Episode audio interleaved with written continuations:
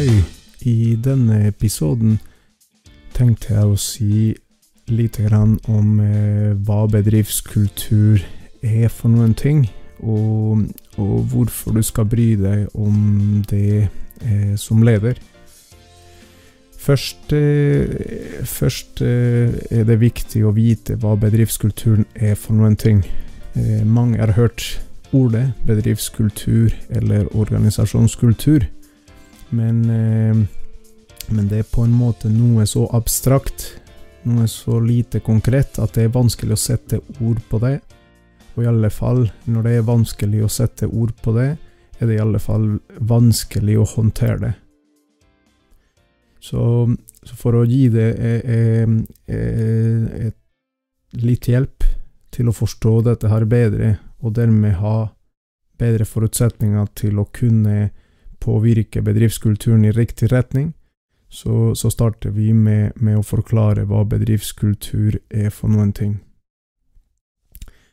Eh, bedriftskulturen består av tre ting. Den ene er symboler. Den andre er verdier og normer. Og det tredje er grunnleggende uskrevne sannheter. Symboler er det som er mest synlig. Eh, verdier og normer er ikke fullt så synlig, mens grunnleggende uskrevne sannheter det er ofte litt skjult, det snakkes ikke om. Symboler, det er eh, ting som, eh, som, gjøres i bedriften, som eh, kanskje det ikke snakkes om, men det er synlig for eh, folk som kanskje kommer på besøk. Et eksempel på, på symboler kan være at, eh, at man har hengt opp på veggen priser bedriftslaget har vunnet i noen sosiale aktiviteter, kanskje noe idrett bedriften deltar i. Så har man vunnet flere priser som lag, så har man hengt opp prisene på veggen eller hatt dem på en hylle. Det kan være et symbol på noe som er viktig for de ansatte i bedriften. Symboler er altså noe som er lett å, å, å vise fram, eller det vises lett. Verdier og normer, eh, de er ikke så synlige. En verdi er noe som er viktig for de ansatte i bedriften. Og en norm er en uformell regel som utvikles på bakgrunn av den verdien. For eksempel, en verdi kan være at eh, de ansatte eh, mener at kvalitet i arbeid er viktig. De ønsker å føle seg stolt av at eh, arbeidet som gjøres i bedriften, er av høy kvalitet. Og da utvikles det en norm, altså en uformell regel, om at uh, uansett hvor lite bemanning det er, f.eks. For i forbindelse med sykefravær eller andre typer fravær, så stepper vi inn for hverandre for å sørge for at kvaliteten er god nok ut ifra våre standarder. Da er normen den regelen om at alle, eh, alle eh, stepper inn der det er behov, for å sørge for at kvaliteten blir god det er et eksempel på verdi og norm. Eh, det er ikke så lett å se sånne ting, i hvert fall ikke for noen utenfor bedriften. De ansatte eh, i bedriften vil nok kjenne til sånne normer, men det er ikke, det er ikke, det er ikke noe som står formelt skrevet eh, på noen strategidokument eller arbeidsinstruks. Det er uformelle verdier og normer som utvikler seg i bedriften. Og den eh, minst synlige delen av bedriftskulturen, det er de grunnleggende uskrevne sannheter.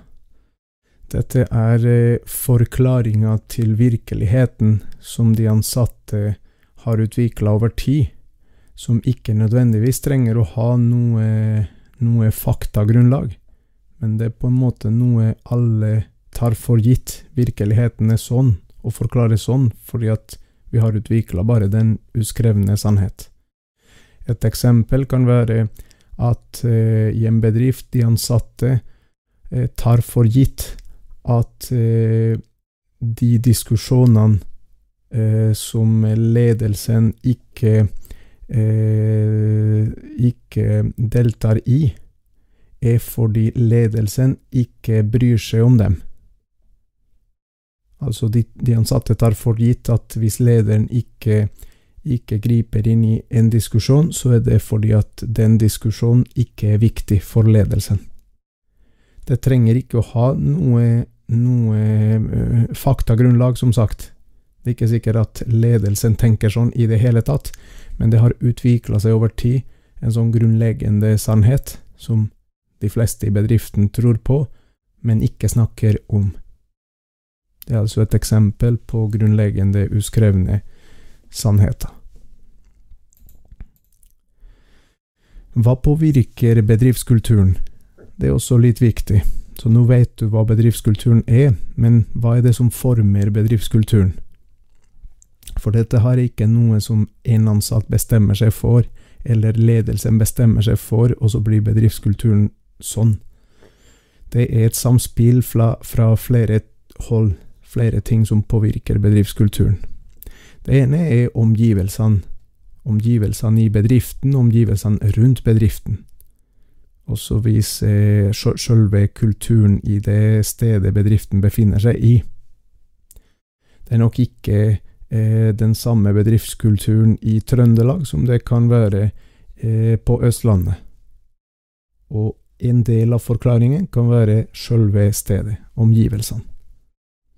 Men i tillegg påvirkes kulturen av, eh, av de menneskene som er i bedriften. Og, og, da snakker vi om følelser, tanker og atferd til de ulike menneskene i bedriften. Det kan være ledere, det kan være andre typer ansatte. Men altså følelsene, som for eksempel stolthet, Eh, det kan være med å farge bedriftskulturen, eller påvirke bedriftskulturen som råder i bedriften. Tanker og atferd.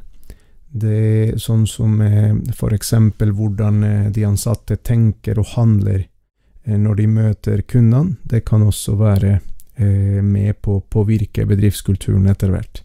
Så det er et samspill.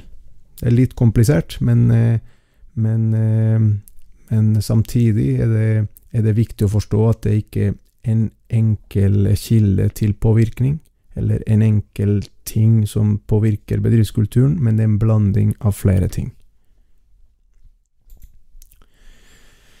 Og det neste spørsmålet du må stille deg som leder, er hvorfor skal du bry deg om bedriftskulturen? Og da sier jeg det veldig enkelt. Eh, hvordan de ansatte faktisk gjør eh, jobben det påvirkes ikke bare av det ledelsen bestemmer formelt, altså organisasjonsstrukturen, de formelle spillereglene. Ledelsen kan bestemme i sine strategidokumenter og sine arbeidsinstrukser og stillingsbeskrivelsene, kan bestemme at det er sånn vi jobber i bedriften, eh, er de reglene vi forholder oss til, eh, og det er dette her vi prioriterer i, i våre strategier. Eh, men det er ikke dermed sagt at alle de ansatte handler deretter i enhver anledning. Og hva er så det andre som påvirker hvordan de ansatte eh, opptrer på jobb? Det er nettopp bedriftskulturen, de uformelle spillereglene. Så det er grunnen til at du som leder må, må eh, ikke bare forstå bedriftskulturen, men, men prøv å, å kartlegge den og, og, påvirke den etter beste evne. Fordi det er ikke de formelle spillereglene i bedriften alene som, som bestemmer hvordan de ansatte opptrer. Og, og da, eh, da, er det siste punktet hva kan du som leder gjøre for å påvirke bedriftskulturen? det, jeg kan si det med en gang, at eh, det er ikke sånn at du kan styre bedriftskulturen som du vil uansett. Bedriftskulturen påvirker som sagt av mange ting, men som leder har du mulighet til å påvirke den eh, noe. Og da har du mulighet til å påvirke den eh, direkte, og da først og fremst gjennom måten du sjøl opptrer på. Hva retter du oppmerksomheten mot? Så hva er du som leder opptatt av? Det vil være med på å prege hva de ansatte etter hver eh, eh, har som verdier. Dette her er viktig for oss. Men en ting er hva du sier, en annen ting er hva du gjør. Det er derfor jeg sier at dette her handler om lederskap, hvordan du sjøl opptrer. Eh, hvordan reagerer vi på det som skjer, under f.eks. kritiske hendelser? Er det sånn at når det Det trenger ikke å være så kritisk, da, men er det en travel periode, og, og, og vi har lite bemanning, hva gjør du som leder? Eh, får du panikk? Eller tar du det med ro? Er du løsningsorientert? Det vil være med på å påvirke hvordan dine ansatte lærer seg å håndtere tilsvarende situasjoner, og skaper er med på å påvirke hvilke normer som vil gjelde i bedriftskulturen. Hva allokeres ressurser til? Det henger litt sammen med dine prioriteringer. Og så er det den ene avdelingen som bemannes opp, eller den andre. Det vil fortelle indirekte noe til medarbeiderne, og, og, og vil skape en kultur. Eh, hva signaliserer rollemodellene?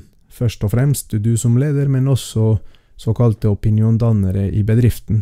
Det er ofte litt sånn at det er personer i bedriften som har en viss autoritet, selv om de ikke nødvendigvis har en eh, ledertittel. De personene vil, vil, jo være med på å sette litt standarden, på en måte. Eh, og da kan det være at du direkte vet hvilke personer du skal sette litt opp som rollemodeller. Kanskje du skal velge ut de rette personene når du skal eh, bemanne eh, mellomlederstillinger, sånn at du skaper eh, riktige rollemodeller. Hva belønnes, og hva belønnes ikke? Er det sånn at du er, er rimelig og strukturert i forhold til hvem som får eh, eh, lønnsforhøyelse? Er det basert på, på prestasjoner, eller er det, eh, er det helt eh, tilfeldig?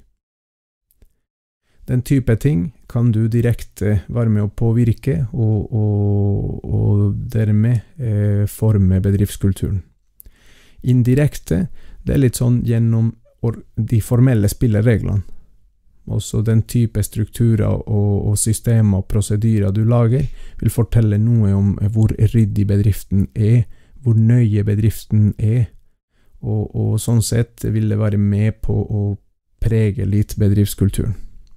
Og så er dette her også et samspill.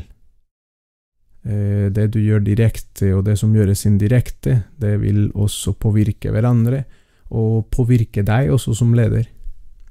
Organisasjonskulturen vil også påvirke deg som leder etter hvert, og, og, og, og sånn sett eh, er det viktig noen ganger å, kanskje komme seg ut av bedriften, og, se på hvordan andre gjør det, for å få litt innsikt i, i hva som virkelig foregår i egen bedrift.